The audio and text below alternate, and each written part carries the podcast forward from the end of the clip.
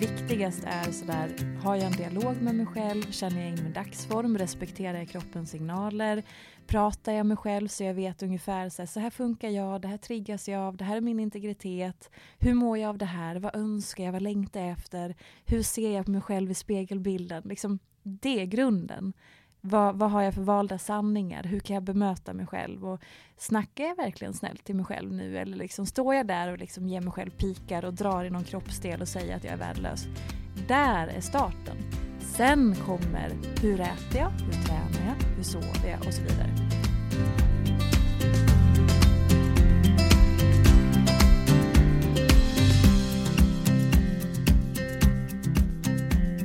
Varmt välkommen till ett nytt avsnitt av Ayurveda-podden. Sveriges största podd om yoga och ayurveda. Jag som pratar heter Johanna Mård och den här gången gästas jag av ingen mindre än Sofia Ståhl. Sofia började jobba med hälsa och välmående 2010. Hon är utbildad certifierad kost och träningskonsult, styrketräningsinstruktör, Moveo-instruktör och coachar i livsstilsförändring och personlig utveckling. Sofia är en väldigt uppskattad och prisad hälsoinspiratör, föreläsare, författare, krönikör och programledare. Och tillsammans med Tarek Taylor driver hon den egna agenturen Taylor Ståhl Agency. Hon är också återkommande gäst i SVT Morgonstudio och är en av Sveriges mest betrodda hälsoinspiratörer med uppdrag för både privatpersoner, statliga myndigheter och större aktörer inom näringslivet. Och 2019 gjorde Sofia programledardebut för tv-programmet Lyckomaten i SVT. Och hon har gett ut flera böcker med Bonnier Fakta, som till exempel PT Fias 10 i topp och 201 hälsohacks, lämna disken, hångla istället.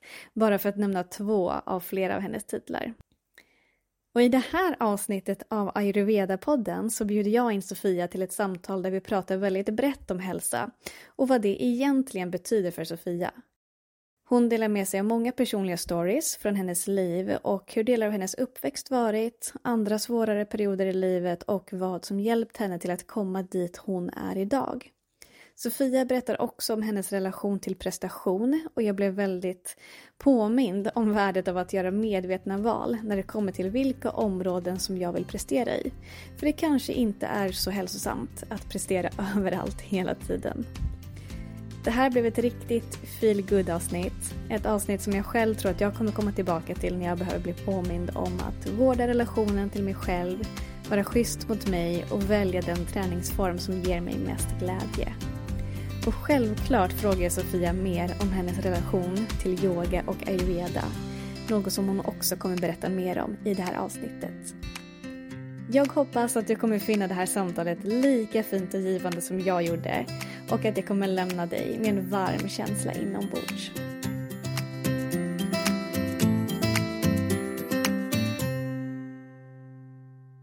Varmt välkommen till Ayurveda-podden Sofia. Tack snälla du, tack. Jättefint att ha dig här. Det är så härligt att vara här och det var sån så lugn, skön energi så jag bara så vill mm. lägga mig i fåtöljen och bara jaha, ja. berätta mer. så det är ett väldigt fint ställe. Fantastiskt. Ja, visst är det. Ja. Vi sitter på living room inne i Vasastan.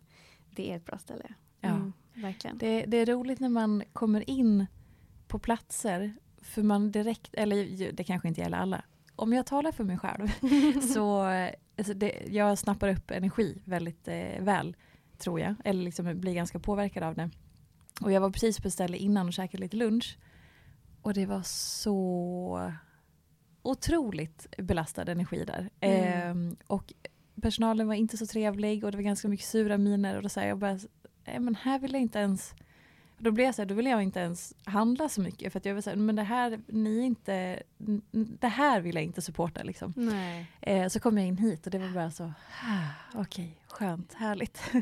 så det är verkligen skillnad. Ja, verkligen. Mm. Och som vi säger inom yoga ayurveda då, prana på olika sätt. Prana, den här livsenergin. Antingen så finns det ett gott fint flöde av prana eller så är det stagnerat eller någon annan typ av oskön energi. Ja, mm.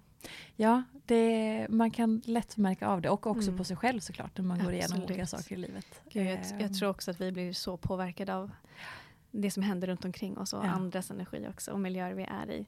Verkligen. Allting påverkar ju. Det är så. Oh ja. Mm, verkligen. Jag vill börja med första frågan till dig då, som är en stor fråga. Men vad betyder hälsa för dig?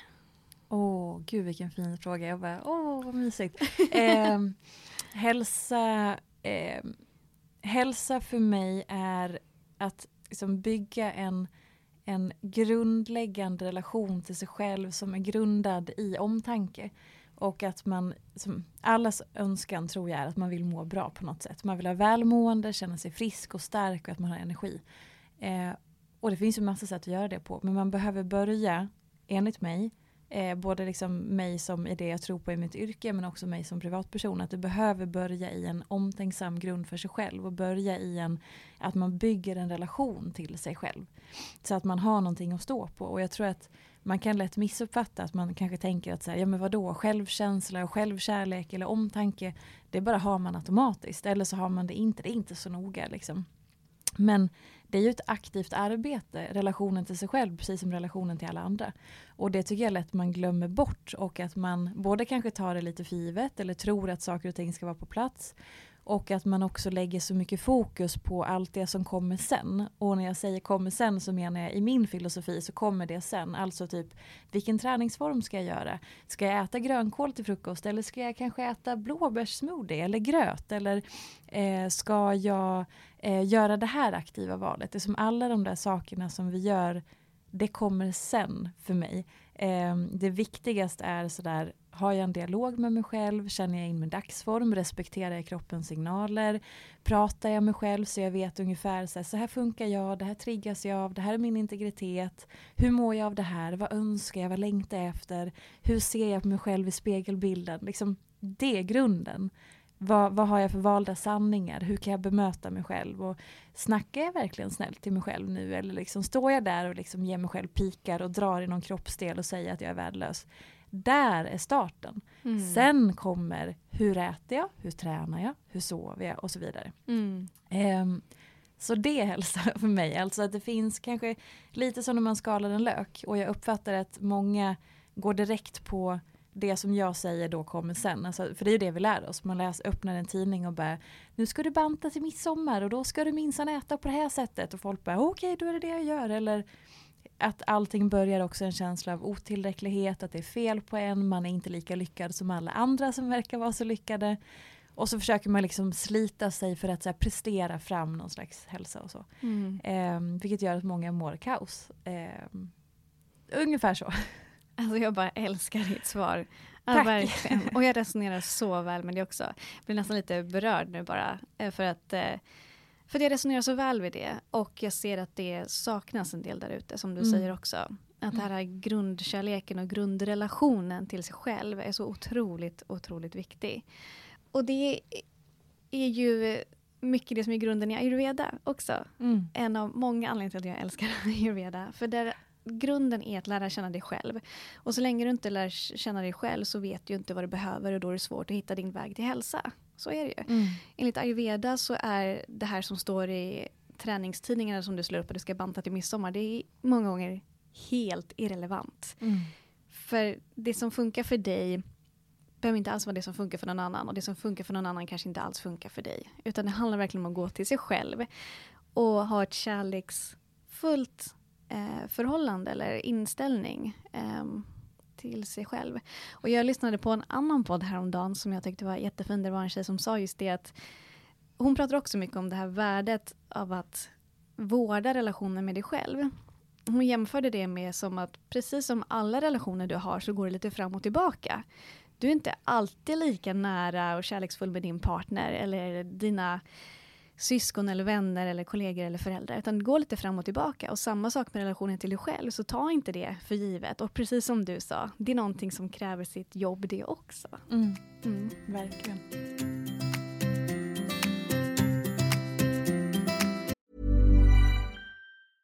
Ryan Reynolds här från Mint Mobile. Med priset på nästan allt som går upp under inflationen, trodde vi att vi skulle bring våra priser down. So to help us, we brought in a reverse auctioneer, which is apparently a thing. Mint Mobile unlimited premium wireless. Ready to get 30, 30, bit to get 30, bit to get 20, 20, 20, bit to get 20, 20, bit to get 15, 15, 15, 15 just 15 bucks a month. So, Give it a try at mintmobile.com slash switch. $45 upfront for three months plus taxes and fees. Promo rate for new customers for limited time. Unlimited more than 40 gigabytes per month. Slows. Full terms at mintmobile.com.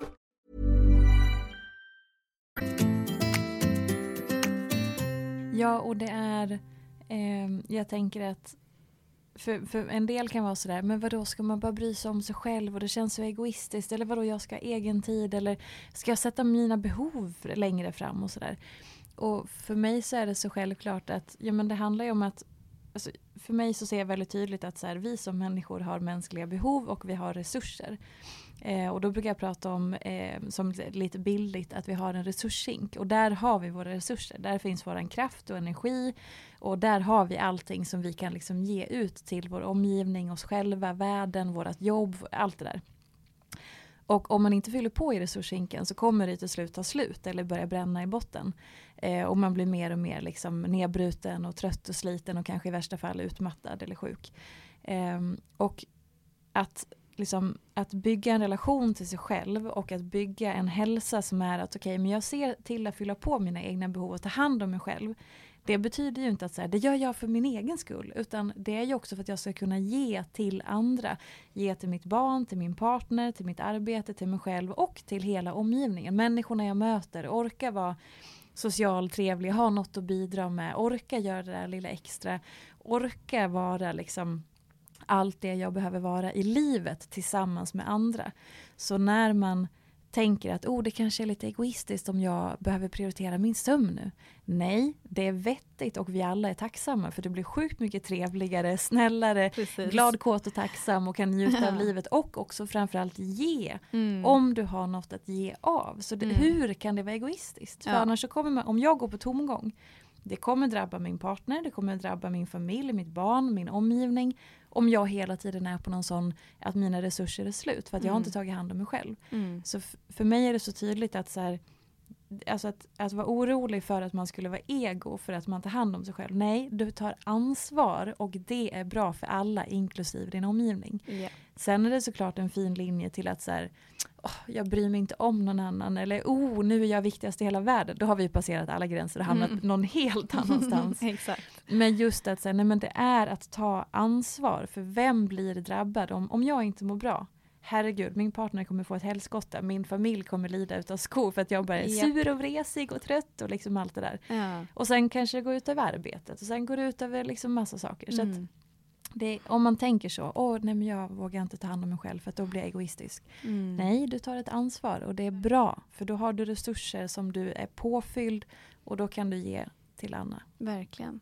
Jag är en av de som, jag lägger ganska, eller, mycket tid tänkte jag säga, men allting är ju relativt. Eh, men jag lägger mer tid, så kan jag säga, jag lägger mycket mer tid på mig själv, återhämtning nu, än vad jag gjorde för tio år sedan. Mm. Mycket mera. Och mår ju så mycket bättre idag. Och jag kan, för mig, för mig är det så tydligt, de perioder i mitt liv, det kan vara några veckor eller några dagar som jag inte gör det lika mycket. Jag har ju inte samma resurser att bemöta min omgivning på samma ja, men, ödmjuka, inlyssnande, kärleksfulla sätt. Utan mm. då är jag mer, ja, men jag har kortare stubin, sämre tålamod, jag är trött och så vidare. Och det är klart att det är så logiskt det du säger. Ja. Alltså verkligen. ja men och det blir så här, för det, jag vet inte vad det, det jag kan tycka är frustrerande om jag, om jag liksom öppnar den porten och börjar gå in i det att så här, hälsa vi lär oss att hälsa ska handla dels om väldigt mycket prestation och att utgångspunkten ska vara att ja, men jag duger inte eller jag är inte tillräcklig eller jag borde bli någon annan eller jag borde se ut på ett annat sätt. Att det är grundpucken som vi får lära oss att så här, ja, ska du börja träna då, då är det för att du ska gå ner i vikt, du ska se annorlunda ut, du ska bli någon superkvinna eller man eller person, människa. Alltså, hur i helskotta har det blivit så att det är utgångspunkten? Att det är fel på en och man ska försöka liksom passa in i någon annan form. Det är mm. åt helskotta. Nu vill inte jag svära i den här podden för ja. det känns så mycket fint. Men det är så här, Men det är varför? inte hälsa. Nej. Nej. Och det är så här, men kom igen nu. Vi, mm. vi behöver hitta in till den här andra grunden som mm. är, vänta nu, hur bemöter du dig själv? Alltså i hur du pratar, hur du eh, tänker, hur du ser på dig själv och liksom allt det där. Är det ständigt det här gnisslet och trycket? Alltså, men till slut blir man en egen mobbare. Okej, är det så man ska gå runt? Det är som att man har någon som hela tiden så trycker ner en. Det kan ju Mm. vara en själv som behandlar en så. Okej, då har vi lite att jobba på där först. Och så får man sen... Liksom, så att, ja, hälsa, utgångspunkt, omtanke, lära känna sig själv, eh, se att man tillåter sig att ta hand om sig. För det är en investering för alla och det är att ta ansvar. Mm. Då blir jag lite så här uppe, jag var så här, det är viktigt. Det är Det viktigt. tror jag på. Det tror jag också på, verkligen. Och med det sagt så är det lättare sagt än gjort. För Mm. att det, av massa olika anledningar kan man ha massa svårigheter eller hinder eller man har fått höra så. Alltså, det är ju inte så lätt att man bara tada, då ska Mm. jag lära mig vara omtänksam mot mig själv. Mm. Det är ett arbete i sig. Så Mm. jag fattar att det finns liksom, utmaningar i det, absolut. Mm, verkligen. Och när du säger allt det här så tänker jag på en, en definition enligt ayurveda på att vara hälsosam är att du är healthy and happy. Mm. De båda två är lika viktiga. Jag tänker på det just eftersom du sa det här med att det är inte ovanligt att man går runt och är liksom en person som slår ner på sig själv. Och du är ju inte happy om du är en person som gör det. Så Mm. din relation till dig själv, återigen din sinnesstämning, hur du ser på dig själv, bemöter dig själv, att göra det med glädje är också en lika viktig del av att vara hälsosam. Absolut. Och sen har jag två frågor till dig nu bara utifrån det här. Så jag undrar dels, vad har du gjort själv för att komma närmare dig själv eller för att ha mer omsorg om dig själv och liksom mer självkärlek? Mm. Eh, och det andra är, vad är dina favoritgrejer just nu för att fylla på med dina resurser, fylla på resurser? Gud vad spännande. Eh, Okej, första frågan först då. Vad jag har gjort för att eh, öka, liksom, eh, min, eller stärka min relation till mig själv. Ja. det där. Jag bara, hur kortfattad kan jag vara utan att dra hela Ja, min livshistoria? Exakt. Det kanske skulle Men- kunna bli fyra timmar bara det. men- Ja, nej men gud så ointressant för alla andra. Men jag, ehm, så här. ehm, jag tampade, alltså jag kommer från en liten stad från början. Nu ska jag som sagt inte ta hela min livshistoria här. Men kommer från en liten stad från början, lite bakgrund, Hedemora, Dalarna. Väldigt stark jantelag, var väldigt sådär intalad av olika anledningar att jag, säger jag är en nobody. Jag har liksom inte så mycket att komma med, jag är ganska medioker, ganska mycket medelmåtta, jag är inte duktig på så mycket, jag är inte så snygg, jag är inte så talangfull och allt det där. Okej, det blir bra, det duger. Eh, ganska skev självkänsla och liksom allt det där. Men ändå någonstans ett jäkla driv och väldigt så prestations, utan att jag hade fattat det. Åkte till USA efter studenten och kom hem sen, jag var där ett år och var eh, au pair. Kom hem, mådde piss, gick till en psykolog som sa, och då var jag då 21 år gammal för då hade jag eh, bott en sväng i Oslo och sen fattat att det här jobbiga mörka som jag går runt med, jag måste få någon slags hjälp. Så långt fattade jag ändå själv. Gick till en psykolog första gången i livet. Hon sa du blivit psykiskt misshandlad eh, i USA av din värdmamma. Det är därför du mår som du mår. Det här och det här behövs. Och jag bara, jag har inga pengar. Tack så jättemycket för det här samtalet. Nu förstår jag lite mer. Jag har tyvärr inte råd att gå i terapi just nu. Eh, men jag blev ändå hjälpt av att få bara ut med det. Mm. Eh, och sen så följde några år där jag dels kom in på den här banan i det som jag har som yrke idag och började jobba med det jag gör och så vidare. Och ganska tidigt i den karriären så blev jag utmattad och gick in i väggen och blev sjukskriven för utmattningsdepression. Så att alla de här delarna och framförallt då såklart sjukskrivningen och utmattningen gjorde ju att jag blev liksom naturligt hamnade i terapistolen eh, och startade där någonstans en resa och det är ju nu 11 år sedan. Eh, ja, 11 år sedan eh, som jag var sjukskriven och där startade en resa i att så här, hallå, vem är jag? Varför är jag som jag är? Vad reagerar jag på? Vad har jag för bagage? Vad behöver jag stärka? Allt man gör i terapi. Så det var liksom någon slags grundpuck till att så här, nu behöver jag möta mig själv och mina Mm. beteenden och mina mönster och börja förstå vad är det här för någonting och så här kan jag inte leva och okej, min självkänsla, mina, varför är jag livrädd för tystnad, vad är det som känns så jäkla jobbigt som jag inte dealar med och sådär. Och sen så när jag jobbade mig till, alltså obs, inte jobbade som i yrkesjobbade utan mötte mig själv och Mm. liksom försökte göra beteendeförändring och kom mer och mer tillbaka till ett friskt liv. sjukskrivningen upphörde.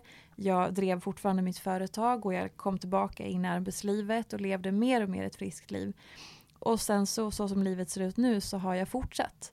För jag, eh, vad ska jag säga? Du har fortsatt med? Med, med coaching och terapi. Mm. Eh, och framför allt har jag För fortsatt. din egen del? Ja. Mm. Och för mig, för de sista åren har det inte varit så mycket terapi utan då har jag hittat, och när jag säger sista åren så pratar jag kanske de sista sex, sju åren eller så. Så har jag hittat kvinnor som på något vis är de coacher. Eller de är, det är de definitivt. Men de har också något mer som jag liksom eh, jag tänkte säga attraheras av, men inte attraheras på ett sexuellt sätt, men attraheras av i så här, visdom, kunskap, klokhet, livsinsikter, allt det där liksom. Mm. Så jag har haft två olika kvinnor, eller har fortfarande, som jag har vänt mig till och haft som liksom bollplank och stöd regelbundet genom de här åren. Mm. För att jag märker att, och det är, som, det är min liksom absolut största investering i mig själv. Eh, att kunna se att okej, okay, men jag, jag har fortfarande, även om jag har gått igenom alla de här olika sakerna så är jag ju fortfarande inte fulla. Det blir man ju aldrig som människa. Och jag har ju fortfarande triggers och jag har fortfarande bagage och jag har fortfarande saker och ting som livet har gjort att det har varit extremt prövande senaste åren av olika anledningar. Jag behöver fortfarande stöttning ibland. För ibland så känner man, precis som du sa, ibland är man bara wow, nu har jag fattat allt och jag är så härlig på en så bra plats. Och ibland så börjar jag orkar inte ens gå upp ur sängen för att jag fattar ingenting. Jag Mm. trodde jag hade lärt mig det här men nu så what? Mm. Ehm, så att jag har, det är liksom den absolut största grejen som jag har. Att jag har de här två kvinnorna i olika perioder som stöttning, bollplank, coachningtimmar och så här, bara ha dem med i livet så. Mm. Ehm, och sen så i övrigt så, vi, så har jag börjat tänka på rörelse som min medicin. Ehm, nu, bland, nu går jag in lite i nästa fråga då, Mm. så här, det jag också Helt gör. okej. Tack. Ehm, men jag har börjat formulera eh, rörelse som medicin ehm, och vitaminer. Men just för att jag, jag har börjat liksom, det har, det har varit ett skifte för mig att som, som ex-utmattad eller vad man säger, när man är utmattad så stänger ju hela systemet ner. Hjärnan stänger ner, kroppen stänger ner och man, alltså allting blir så otroligt passivt och litet och sjukt och svagt och skört och liksom allting. Och mörkt. Och det, är så, det har varit så mycket ångest och det, det har varit depression och det har varit liksom mörkt, mörkt, mörkt. Och det är raka motsatsen mot min natur. Min natur som människa som jag har varit sedan liten är hög energi, mycket spontan glädje, optimistisk, liksom så här, gud vad, alltså ganska nära till så här, ganska mycket grejer och känslor Mm. och energi. Ja. Och jag är också uppvuxen med eh, en, en, en barndom som har varit i längdskidspåren. Alltså endorfinkickar har varit i mitt system sedan jag var pytteliten. För Just vi det. tränade, tävlade, var i stallet, åkte längdskidor, terränglöpning, du vet så. Mm. Så jag är också uppfostrad med en ganska hög endorfinnivå. Mm. Och då har jag märkt att kombinationen av dels min bakgrund som skidåkare med hög träningshalt tillsammans med att jag smackade in i väggen, blev jättesjuk, var i massa olika mörker och svårigheter där jag trodde att jag så här, nu har jag blivit introvert. Ops, det är inget fel att vara introvert, men det är väldigt långt ifrån mig. Mm. Så nu har jag blivit introvert och jag har blivit en grå mus och jag har blivit någon som inte har något att säga. Alltså det att jag verkligen så har förminskat mig själv mycket av olika anledningar. Och då, nu har jag börjat inse att så här, nej, vet du vad, nu måste jag liksom börja se som att så här, har jag tagit min medicin idag, alltså rörelse, inte hård träning, men rörelse, jag behöver komma ut, andas frisk luft, jag behöver connecta med kroppen. Ibland så är det svettigt, ibland är det lugnt, men jag behöver liksom känna min kropp så. Ehm, och framförallt få vara lite själv med mig själv. Mm. Så att då har jag börjat formulera som att säga, ja, men det är lite så som en, att ta sin medicin. Liksom. Ja. Och jag vill verkligen förtydliga att det handlar inte om att jag går till gymmet och tränar hårt varje dag. Det är så långt ifrån det man vill komma, bara så att det är tydligt. Mm. Ehm, men så här, det kan vara promenader eller yoga eller sträcka igenom eller lyfta något tungt eller gå ut och springa runda, whatever liksom. Men rörelse eh, utifrån vad kroppen behöver. Mm. Och då, för då så här, det hjälper mig att så här, jag är inte allt det här lilla som jag kanske intalade mig efter min utmattning och så som livet har varit senaste åren. Okej, men jag är det här och det här och det här. Bra, då får jag liksom, jag behöver den här energiboosten och endorfinkicken för att det är någonting som, som sagt, som jag har levt med så länge. Mm. Ehm, och sen så också försöker jag ha eh, en dialog med mig själv hela tiden. Jag går och pratar högt för mig själv när jag är ute och går till exempel. Eh, för att ha en pågående dialog. Tycker det är fantastiskt skönt att bara kunna, det, ingen musik, inga lurar och bara så här, se vad som kommer till mig, resonera lite grann, reflektera lite grann. Bara så här, ja, prata med sig själv och också så här, skapa lite distans till, till saker och ting. Mm. Eh, vad mer? Jag rör, gör rörljusterapi eh, regelbundet. Jag eh, är ute mycket. Det är Mm. superviktigt. Genom alla år har jag skrivit väldigt mycket men nu så skriver jag så mycket jobbet så det blir inte lika mycket skrivande. Det, alltså privat skrivande Ja men jag. exakt. Självreflekterande. Exakt, så Mm. det är väl mer det som då är den här att jag går och pratar med mig själv Mm. istället. Ja. Ja, Man gör väl små grejer hela tiden tänker jag. Men Mm. för att nämna några. Ja, ja fint. Vad fint. Det är ja, kul att bara sitta och lyssna på dig här. Jag känner att ditt, din definition av hälsa resonerar väldigt väl med min definition av det också. Verkligen.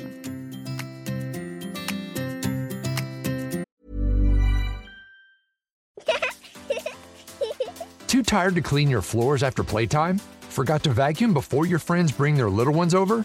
Let Eufy X10 Pro Omni help. Powerful 8000 PA suction removes debris, and MopMaster dual mop pads scrub away stubborn stains with ease. Save time and keep your floors cleaner. Want to know more? Go to eufy.com, that's EUFY.com, and discover X10 Pro Omni, the best in class all in one robot vacuum for only $799. Hey, I'm Ryan Reynolds. Recently, I asked Mint Mobile's legal team if big wireless companies are allowed to raise prices due to inflation. They said yes. And then when I asked if raising prices technically violates those onerous two year contracts, they said, What the f are you talking about, you insane Hollywood ass? So to recap, we're cutting the price of Mint Unlimited from $30 a month to just $15 a month. Give it a try at mintmobile.com slash switch. $45 upfront for three months plus taxes and fees. Promo rate for new customers for limited time. Unlimited more than 40 gigabytes per month. Slows. Full terms at mintmobile.com.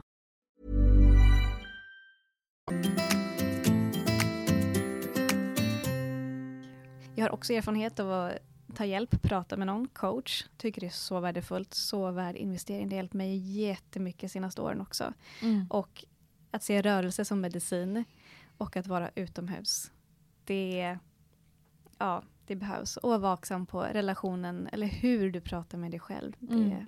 mm. En annan grej, om jag bara får flika in, är också det här med n- alltså, närvaro i stunden. Jag har, alltid, jag har alltid varit väldigt mycket uppslukad av nuet brukar jag säga. Ehm, och så här, vare sig jag vill eller inte, och det är ingenting jag aktivt har försökt med, utan så här, när jag är här så är jag här. Eh, då är inte jag på nästa grej eller tänker liksom vad vi ska äta till middag eller eh, liksom bak och så här, då är jag verkligen här. Eh, och det kan man ju se som en styrka. Att så här, jag har ganska lätt till, jag hoppas att det upplevs i alla fall, men jag upplever själv att så här, men när, jag är här så är jag här. Mm. Ehm, men jag har också blivit lite intalad i olika, alltså det är lite dåligt. För att då, då är ju inte jag så proaktiv i till exempel att planera middagen eller Mhm. ehm, det här gäller inte min nuvarande relation ska jag tillägga. Men alltså tidigare har det varit att jag har liksom jag har inte varit tillräckligt planerande så jag har nästan sett det som att oh gud jag ligger lite efter fast jag bara är här och nu och är närvarande.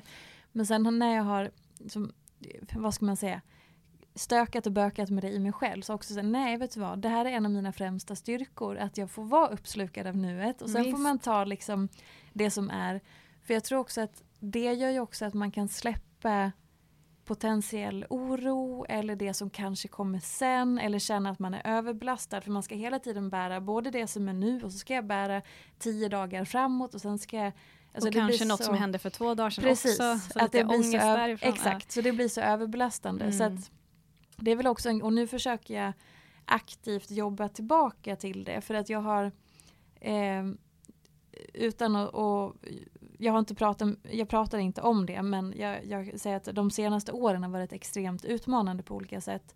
Och det har gjort att jag har märkt att min naturliga närvarande plats, att jag, så här, jag har blivit lite mer orolig, jag har blivit lite mer sådär eh, så att jag inte har känt igen mig själv. Och då har jag märkt att så här, just det, en grej som verkligen är jag från att jag var liten, som jag värdesätter det är den här närvaron. Så då Mm. försök, det, då, det jobbar jag med lite grann just nu. Att så här, hitta tillbaka till det som är så naturligt. Men när man är i pressad situation så kan det ju bli att man blir utmanad i det och man kanske Ja.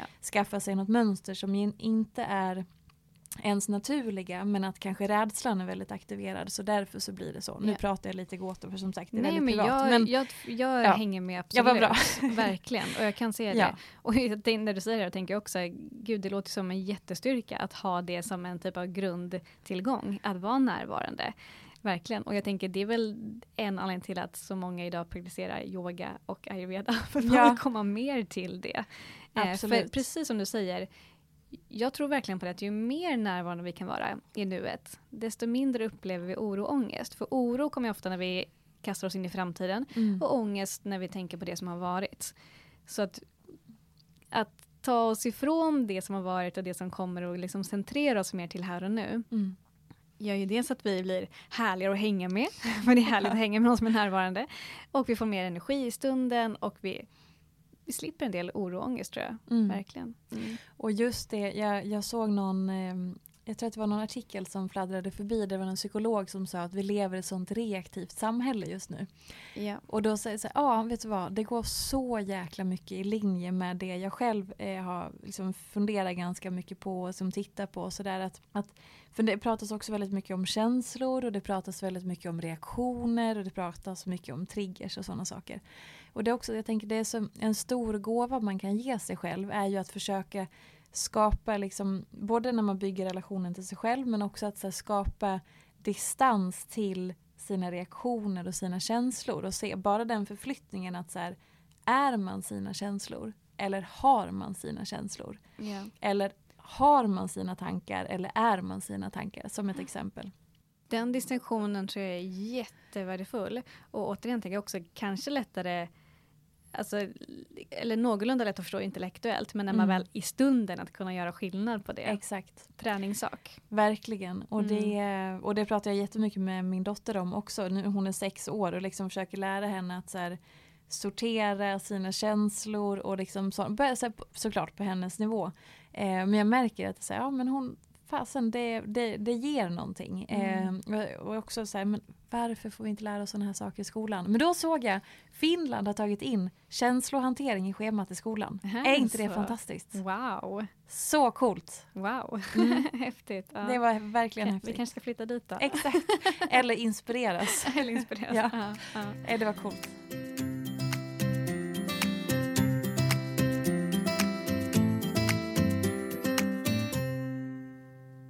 Undrar jag, vad, vad har du för relation till yoga och ayurveda? Ja, eh, yoga. Det här, därför det här är ju ayurveda-podden Ja. som idag faktiskt är Sveriges största podd om yoga och ayurveda. För yoga och ayurveda går ju verkligen hand i hand. Jag vet ju att yoga är en del av din vardag för jag har ju följt dig. Eh, så, men jag är Mm. jättenyfiken på att höra mer. Och yoga och ayurveda framförallt.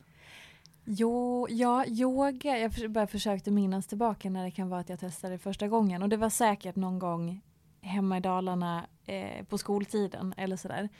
Eh, och sen har den kom, liksom funnits med genom livets olika faser. Ibland har jag gått på klasser.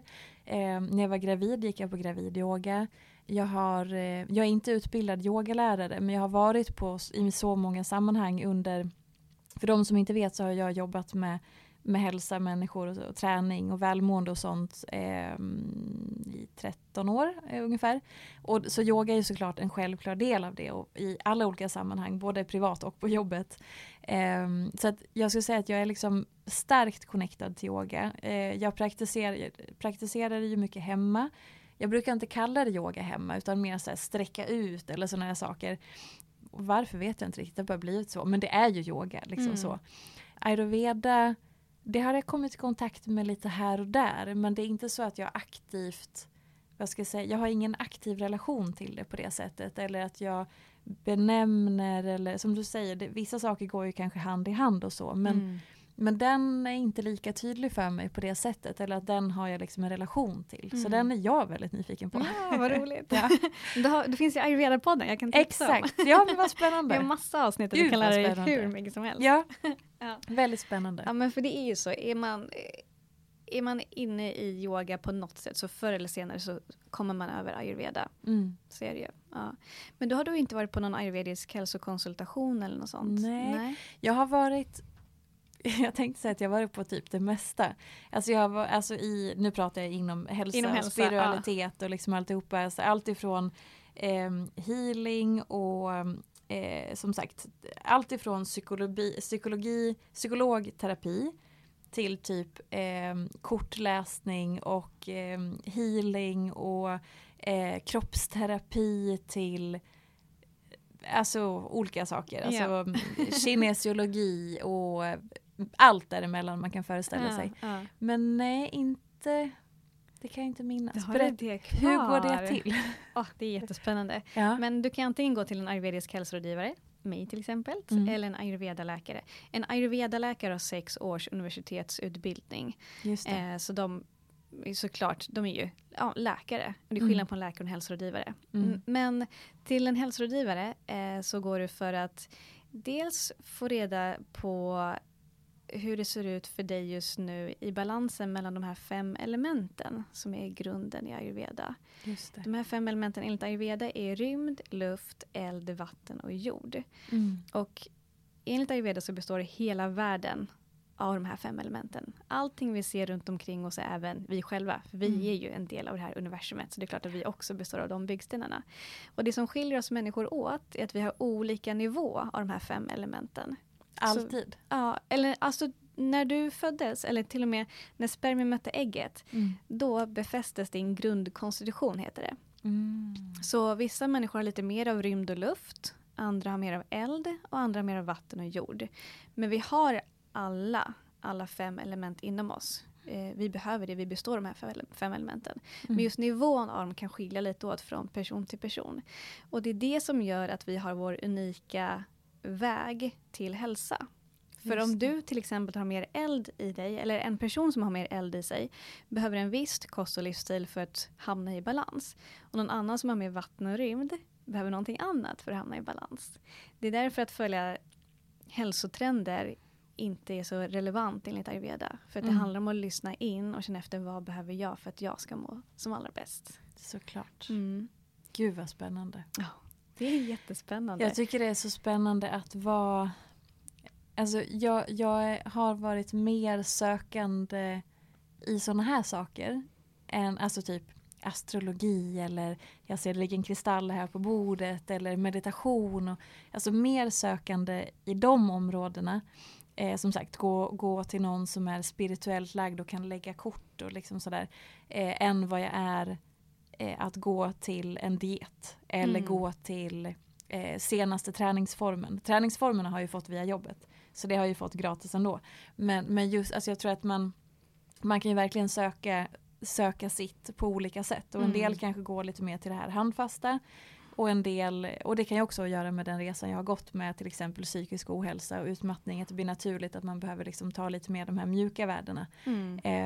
Eh, än att gå och testa senaste, mm, vad det nu skulle kunna vara, åt andra Mm, hållet. visst. Det är lite intressant hur man, alla är ju olika där också vad man tilltalas av. verkligen, En verkligen. del vill ha det väldigt så, det här är konkret och det här är liksom fakta och det här ska Ja. du kunna redovisa. Och en del bara, Precis. den här kristallen känns bra. Exakt. Exakt. och allt ska ju vara okej såklart. Ja, verkligen. Och det ska resonera med en själv. Ja. Men jag har ju också väldigt stort och brett hälsointresse. Provat typ det mesta som du har sagt där också. Mm. Ehm, och um, frekvensterapi och hårmineralanalys och you name it. Och fastnade verkligen för ayurveda för att för mig blev det någonting som jag kunde omvandla i praktiken ganska enkelt själv. Mm. Eh, utan att jag behövde vara beroende av någon lärare eller någon material eller någon medicin. Utan verkligen se naturen som medicin, mat som medicin och min livsstil som terapi brukar man Mm. säga inom ayurveda. Fint. Maten är din medicin och din livsstil är din terapi. Och jag resonerar väldigt väl, det, det resonerar väldigt väl med mig också. Ja. Och eh, har tidigare haft jättemycket problem med min mage framförallt. Jätteallvarlig IBS och mycket migrän, huvudvärk, otroligt mycket stress och haft perioder jag inte mått bra heller. Och ayurveda var det som verkligen vände min hälsa. Så när jag började praktisera det som jag kände en otrolig skillnad. Och då blev jag ju bara så hooked vid det Mm. och kände att det här, och jag gillar också att det är naturligt, att det är på naturlig väg. Mm. Underbart. Mm, verkligen. Det är fantastiskt när man hittar sin grej. Ja men det är ju det. verkligen. Ja. Och så gillar jag med ayurveda att det är så holistiskt. Där det ingår liksom hur du kan förbättra din sömn eller hur du får till en bra sömn. Eh, magen, maten, träning, andning, relationen till dig själv. Att leva i samklang med naturen. Det är mm. verkligen holistiskt. Vilket jag hör att du, och vet också att du har ett väldigt holistiskt perspektiv på hälsa. Mm. Men jag fick in eh, några frågor från eh, mina följare när jag berättade att du skulle komma hit och gästa podden. Kul! Och bland annat så ja, men det handlade mycket om yoga, ayurveda och utmattning faktiskt. Mm. Eh, så det var flera som undrade just där hur mycket ja, men yoga hjälpte dig under tiden när du läkte från din utmattning. Eh, nu måste jag tänka tillbaka lite grann. Eh, alltså för mig under eh, det som har lagt grunden väldigt mycket. Om jag skulle plocka en sak som, som var viktig eh, så för att ta mig vidare så var det just när jag förstod att prestation är överallt, hela tiden. Och hur förhåller jag mig till prestation? Och hur Väljer jag prestation eller väljer bort prestation? Och hur påverkar det min syn på återhämtning? Eh, och med det sagt så till exempel i utmattningen, för mig så blir det som att ska jag göra yoga eller ska jag göra styrketräning enligt vilken ram det än är. Att så här, nu ska jag göra den här yogaklassen eller den här styrketräningsklassen på det här sättet. Det finns en, ett mått av prestation i det. Absolut. Inte dålig, mm. men att man ska följa den här ramen. Mm. Och det viktigaste för mig var att släppa. Släppa prestationen. Alltså, det är därför jag, nu när jag tänker på det, det är därför jag säger nej men jag sträcker igenom kroppen. Fast det. det. är ju yoga jag utövar. Mm. Men för det har varit så viktigt för mig att prestation, det är någonting jag väljer. Och då gör jag ett aktivt val runt det. För vårt samhälle är helt fucked up när det kommer till prestation. Vi har prestationsbaserad självkänsla, vi blir belönade för en prestation.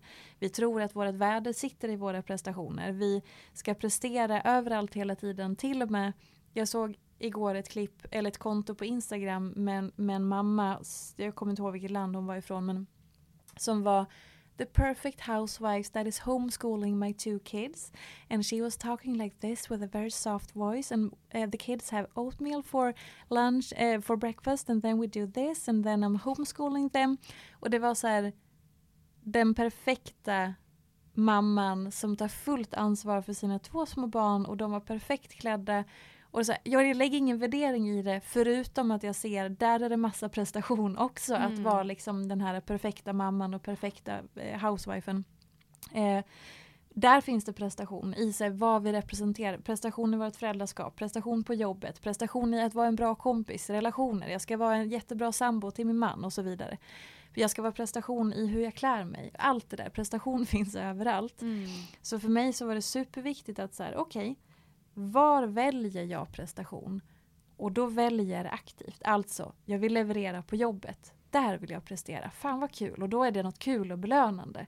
Eller om jag springer ett lopp till exempel. Då är det en aktiv handling. Nu vill jag springa det här loppet. Och det är prestation och det är kul och det är kryddigt. Och fasen vad härligt. Men jag vill inte ha den här smygprestationen. Och den såklart kan man inte bli fri ifrån. För det ingår i allt ändå. Men jag ville försöka göra fler aktiva val runt prestation och då har träning blivit en sån grej så att så här, jag knappt benämner yoga som yoga fast det är det jag utövar. Eller ja, men jag tränar på känsla och dagsform för att det är så viktigt för mig att jag vill inte ha prestation i min träning. Mm. Så som långt svar och kanske invecklat svar på den här frågan men, men jag vet inte hur mycket jag utövade yoga. För jag befriade mig från att tänka så. Om du förstår vad jag menar. Ja, just det. Jag mm. rörde på mig, jag garanterat yogade men jag har ingen aning om hur mycket eller i vilken form utan så här, jag gjorde det kroppen behövde. Mm. Eh, jag vet att jag gick väldigt mycket promenader för jag började komma ut för ångesten satt i väggarna. Mm. Men och sen hade jag följt med mig att så här, yogan är ständigt närvarande men jag skulle inte säga att jag yogar regelbundet. Men det gör jag ju. Ja, men och likadant med mm. så här, Eh, för just också på att jag lyfter prestation så mycket. Att så här, en stor del i varför jag idag lever ett liv med betydligt mindre ångest. Alltså, vågar knappt säga det, peppa peppa ta i trä. Jag har nästan ingen ångest alls. Då är det någon enstaka typ ägglossnings-PMS eller någonting som verkligen har hänt. Mm. I övrigt så har inte jag vardaglig ångest som jag hade förut. Och det som hjälpte mig, sen behöver inte det här funka för någon annan, men jag säger ändå om det är så. Men jag började fatta att min eh, självkänsla och mitt värde satt väldigt mycket i mina prestationer. Och att jag omedvetet la extremt stort värde i att jag skulle vara, du vet när man är, har en dag där man är glad och positiv. Som jag sa det förut, mycket energi och bara tjä, nu vill jag känna att jag kan flytta berg och jag liksom har det i mig och bam, bam, bam. Det trodde jag var jag. Och när jag hade en sämre dag så kom ångesten krypande. Och jag kände att åh gud, och det blev ångest och så för att jag var trött, jag var sliten, jag hade kanske levererat som fan dagen innan. Hade en medioker dag, det har man ju ofta, det går Mm. ju liksom upp på det. Men då nedvärderade jag mig själv, då försvann mitt värde, då började det krypa för att jag var rädd att inte räcka till. Men jag förstod inte att det var så. Förrän jag och då en av de här kvinnorna jag pratade med började vänta lite här nu Mm. hur värderar jag mig själv när jag är trött, när jag är sjuk, när jag inte levererar, när jag bara existerar mot när jag har levererat, när jag har gett massa saker, när jag har varit glad, när jag har här, där, där, där, där. Men jag, jag, jag värderar mig själv helt olika. Mm. Okej, då kunde jag börja möta mig själv i återhämtningsfas. Alltså öka värdet på min återhämtning. Se min återhämtning, min trötthet som en investering. För om jag är trött och jag laddar på, då har jag någonting att ge sen nästa dag. Just det. Och började Mm. följa med. Mm.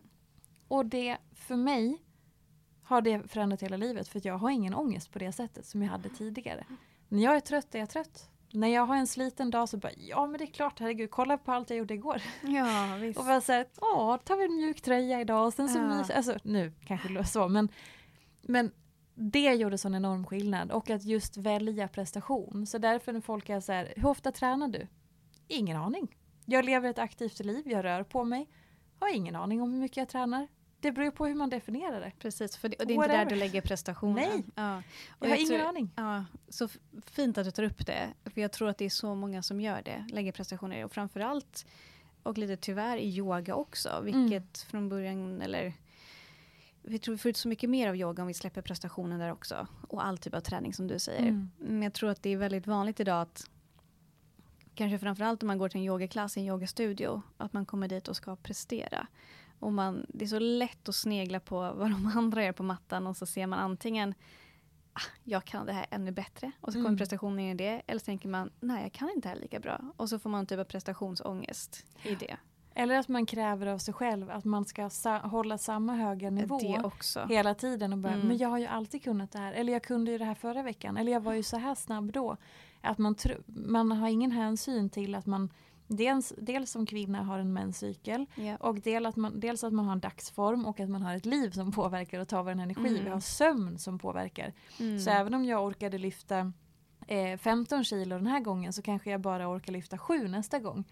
För att vi är människor. Det är Exakt. naturligt. Vi toppresterar inte hela tiden. Men vi kräver omedvetet av oss själva att vi ska göra det. Exakt, och då inte värdera det som att man är sämre den dagen. Utan Exakt. bara, jag är någon annanstans idag Ja. än vad jag var sist jag tränade. Jag och det behöver inte vara bättre eller sämre. Utan det är bara Precis. någonting annat. Ja. Mm. Jag tror att det förhållningssättet är så, också så viktigt när det kommer till liksom grundläggande hälsa. Mm. Ja. Men, och, men det vill jag säga också, så, det är därför jag sa prestation som en krydda. För prestation är inte dåligt. Det är inte, alltså, vi behöver prestation. Prestation kan vara kul, vi ska leverera. Vi ska, vi ska, inte så att vi ska sit, sätta oss på soffan och bara, jaha, då var vi... Alltså, vi behöver prestera. Däremot så säger jag att vi kanske behöver vara lite mer aktiva i väljandet av prestation och se att okej, jag väljer att prestera på de här områdena och här befriar jag mig just nu. För om man försöker prestera överallt, hela tiden, alla livets områden och att man dessutom sätter sitt värde i sin prestation bara, det är då det blir problematiskt. Mm. Bara så att, man, så att det är tydligt. För att det är inte så att det prestation punkt är dåligt. För det är inte det jag säger. Nej. Bara för nej. att förtydliga Ja, lite. superbra. superbra.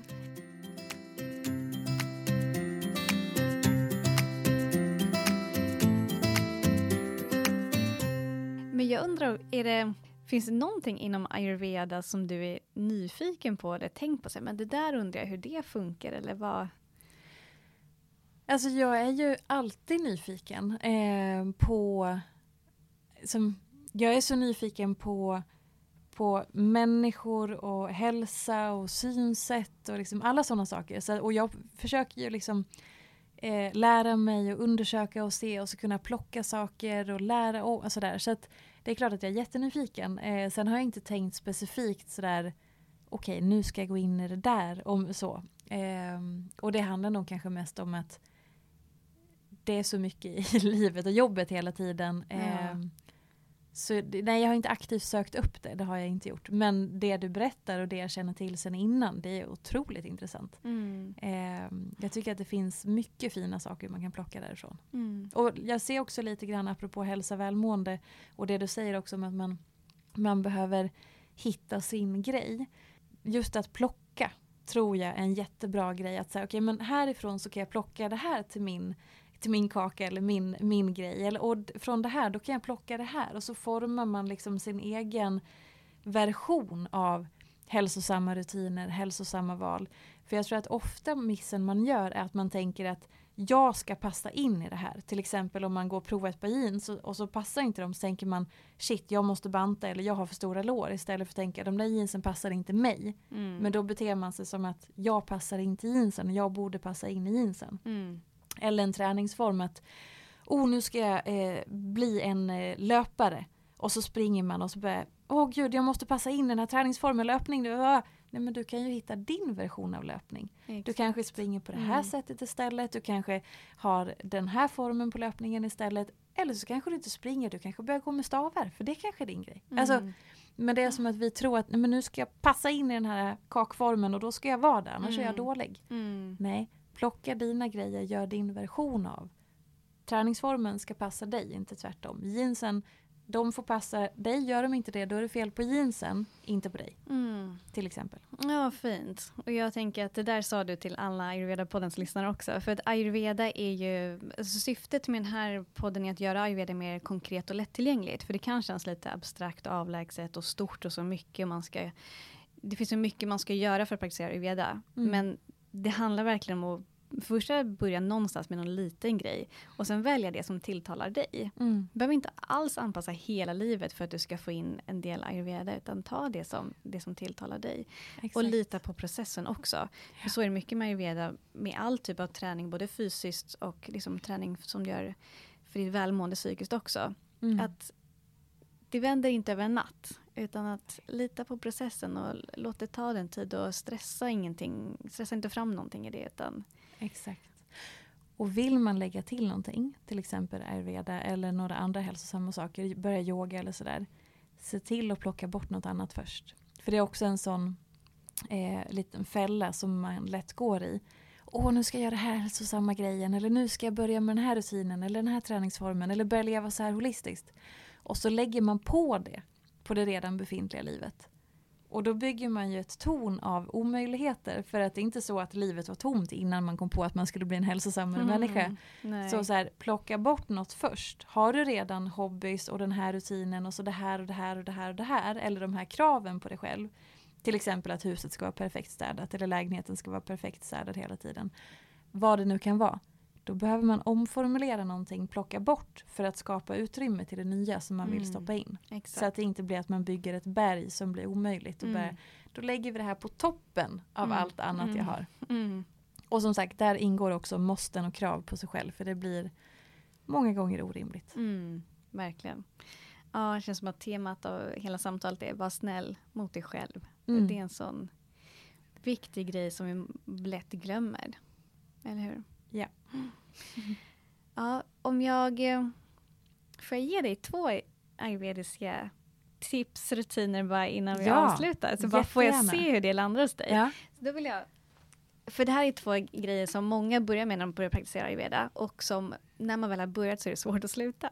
Ja, vad fint. Gud vad spännande. Så, men du kanske gör något av det här redan. Jag vill börja med att fråga dig, använder du tungskrapa? Har gjort för många år sedan och mm. sen så tänker jag ibland så här, just det, jag ska köpa en tungskrapa. Ja. Men så glömmer jag alltid bort det. Tack för påminnelsen. Ja. Mm. för det är Bra. en typisk ayurvedisk slash yogisk rutin. Och då kan jag berätta lite varför man mm. använder det. Eh, enligt ayurveda så är det det första du ska göra när du vaknar på morgonen, att skrapa tungan. Mm. och det vill du helst göra med tungskrapa som är av koppar eller rostfritt stål. Så att du inte köper de här i plast. Mm. För att? De koppar i sig är lite antiseptisk eh, och samma sak med rostfritt stål så det är mer ja, antibakteriellt naturligt. Mm. Eh, och så är det bara skönt att inte köpa hem grejer i plast. Absolut. Också. Ja. Men eh, och varför vi vill göra det direkt när vi vaknar är för att när vi sover under natten så rensar ju kroppen ut massa slaggprodukter och toxiner. Det är därför man kan vara lite svettig när man vaknar, man kan vara kissnödig och så vidare. Och tungan är också ett av de organ som kroppen använder för att rensa ut toxiner. Mm. Och därför kan många när man vaknar ha lite mer beläggning på tungan. För att kroppen har ju använt det organet för att rensa ut sånt som vi inte längre behöver. Mm. Så därför vill vi börja då med att skrapa tungan. Så att vi inte sväljer det, det första vi gör. För kroppen har ju jobbat hårt under natten för att bli av med det. Så då Kanon. säger man att man ska börja dagen med att skrapa tungan. Eh, sju gånger ungefär. Sju gånger? Mm. Eller ungefär. Siffran sju enligt ayurveda står för perfection and completeness. Så, Underbart. ja. så sju gånger tungskrapa direkt när man vaknar på morgonen. Ja. Och nu sa ju du att du har gjort det några gånger tidigare Mm. men tappat bort den vanan. Medan Exakt. jag bara, det här börjar man med det, då håller man i det. Ja exakt. Jo men då var det också, det var ju inte med allt det här som grund. Eh, utan mer, jag kommer inte ens ihåg, men jag, det har jag gjort eh, i Mm. perioder. Men nu har jag ännu mer en sån, okej ett starkt varför. Yes, så Mm. det är det första du gör. Mm. Och enligt ayurveda så vill vi gärna borsta tänderna efter det. Och det gör vi då innan vi dricker eller äter någonting. För att rensa bort slagg och Just sånt det. från munnen. Mm. Så det är en grej, så får Mycket vi bra. se om den eh, Ja. stannar kvar hos dig. Eh, och en annan grej man pratar väldigt mycket om inom ayurveda är din matsmältningseld. Som man eh, kallar för agni. Mm. Och både i ayurveda och yoga så är det mycket ord på sanskrit. Ja. Som kommer från, ja, yoga och ayurveda kommer från Indien när man använde sanskrit för många tusen år sedan. När de här eh, kunskaperna ja, Mm. kom till oss. Så din agni, jag brukar, tänk dig att du har en liten eh, lägereld i magen. Mm. Eh, och din agni är starkt kopplad till din hunger. Så när din eh, matsmältningseld brinner mycket då är du väldigt hungrig. Och om du känner att den inte alls brinner så mycket, då har du kanske precis ätit. Den liksom håller på. Ja, eller om du har Mm. ätit väldigt mycket, det är nästan som att den har slocknat. För det är som att slänga på jättemycket vedträd på den här elden. Just det, vad fint med eld. Ja. Ja, så den här elden eh, är också någonting man pratar mycket om att skapa en nära relation till. För grund, en annan grund, vi pratar om mycket olika typer av grund till hälsa, Ja. men en annan viktig grund till hälsa är ju din matsmältning. Att hela matsmältningen fungerar bra med tarmflora, tarmbakterier och allt sånt. Mm. Så en grej man kan göra för att ta hand om sin eld är att dricka mer varmt vatten istället för kallt vatten. Just Till det. exempel. Just det. För det är ju varmt i magen av en anledning. För att det ska vara varmt där. För att det är då det fungerar som bäst för magen att förbränna det vi äter och dricker. Och om vi äter och dricker sånt som är kallt, då är det lite som att lägga en, klö, en blöt kall filt över den här lägerelden. Och det är lätt att den slocknar. Och vi vill inte att din agni ska slockna helt och hållet. För då kan det bli svårare att förbränna det du kommer att äta eller dricka därnäst. Och det kan stöka till det för eh, tarm, tarmfloran, tarmhälsan. Just det, det här, nu, det här har jag också gjort i perioder. Jag undrar om det var så att det här var väldigt på tapeten ett tag. Alltså jag säger inte att det inte är på tapeten nu och det är sånt slitet uttryck på tapeten. Men du förstår att, att det kom upp som en sån, för, för ett antal år sedan. För allt det här känner jag igen väldigt väl. Och vad som är på tapeten Ja. beror ju också på var man själv är i livet Absolut. och vilka, vilka Mm. cirklar man själv rör sig i. Det är lite som det här citronvattnet som var väldigt så här, alla skulle göra det. Mm. Eh, och det kommer ju alltid sådana grejer, plockas olika saker. visst. Eh, det med, med ljummet vatten eh, eller varmt vatten är också supervälbekant. Mm. Så jag kan inte säga att jag praktiserar det nu, jag älskar iskallt vatten. Men det gör det ändå. Men, men eh, det, det är verkligen inte någon, alltså det är väldigt välbekant. ja, det Ehm, är ingenting helt nytt. Nej, och det har jag nog också gjort. Men det är därför jag säger det här har nog varit liksom närmare, ganska nära för ett gäng år sedan. Mm. Ehm, Ja. Ja. men så det är två väldigt eh, enkla ayurvediska rutiner som man kan ha med sig i vardagen. Dricka mer kokt varmt vatten för hela maghälsans skull. Och också kokt varmt vatten har en tendens att cirkulera längre i kroppen, liksom hämta upp och rensa ut. Jag upplever själv när jag dricker mer kallt vatten så blir jag kissnödig mycket oftare. För det är som att det Just rinner det. bara igenom. Medan det kokta varma vattnet och då räknas te eller? Te är ju någonting annat kan Ja, jag är säga. jag bara Så här, att det- mm, får, man, får man räkna in Te, sitt te är te? ju också bra Ja. eh, på det sättet det är varmt. Så att jag skulle säga att te är mycket bättre än iskallt vatten skulle Mm. jag säga. Eh, men du behöver både te och varmt vatten. Varmt och inte ljummet. Det, alltså, det är bra att det har kokat upp. Det finns en poäng med att det kokar upp. Ah. Men sen kan det få svalna. Mm. Eh, det är också om du vill dricka Eh, enligt ayurveda säger man, nu blir vi lite nördiga, men om du vill dricka vatten som upplevs som svalt ska det gärna koka upp först och sen kan det stå framme länge så det svalnar Mm. i rumstemperatur. Men då upplevs det ofta som svalt när du dricker. Inte iskallt, det, men eh, man kan få en, den känslan. Så att det finns en poäng Ja. att det har kokat upp och sen hur varmt det är när du dricker det, det, det, Det kan väljer du välja. själv. Ja. Ja, tungskrapan, eh, den är absolut 100% att jag säger ja, då kommer jag metall Ja. eller stål. Ska googla fram en sån. Ja. Eh, kallt vatten, fortfarande något av det godaste jag vet, så Ja. den kommer jag ha svårare. Men man kan ju blanda upp och det är väl det som också är så bra att man kan så här, Mm. jag behöver inte sluta med kallt vatten, jag kan lägga till Ja, exakt. exakt, också i så fall. Mm. exakt. Och gör det som känns bäst för dig. För Mm. det säger man enligt ayurveda också. Att lyssna till dig. Du är din egna bästa guide. Mm. Så bara känn efter, hur känns det i magen när jag dricker kallt vatten kontra när jag dricker varmt vatten? Mm. Mm. Spännande. Ja. Men jättefint att få ha dig här Sofia, verkligen. Det, Tack snälla. du är otroligt klok. Det hörs på dig att du, att hälsa är verkligen någonting du brinner för. Vilket obviously är ditt yrke, du har skrivit böcker om det, du föreläser och så vidare. Du har ett väldigt, väldigt fint perspektiv på hälsa tycker jag. Tack snälla. Mm. Det var jätteroligt att komma hit. Ja. Tack. Och nu vill man bara så här mysa sig ner i fåtöljen. Tack så jättemycket. Tack. Ja.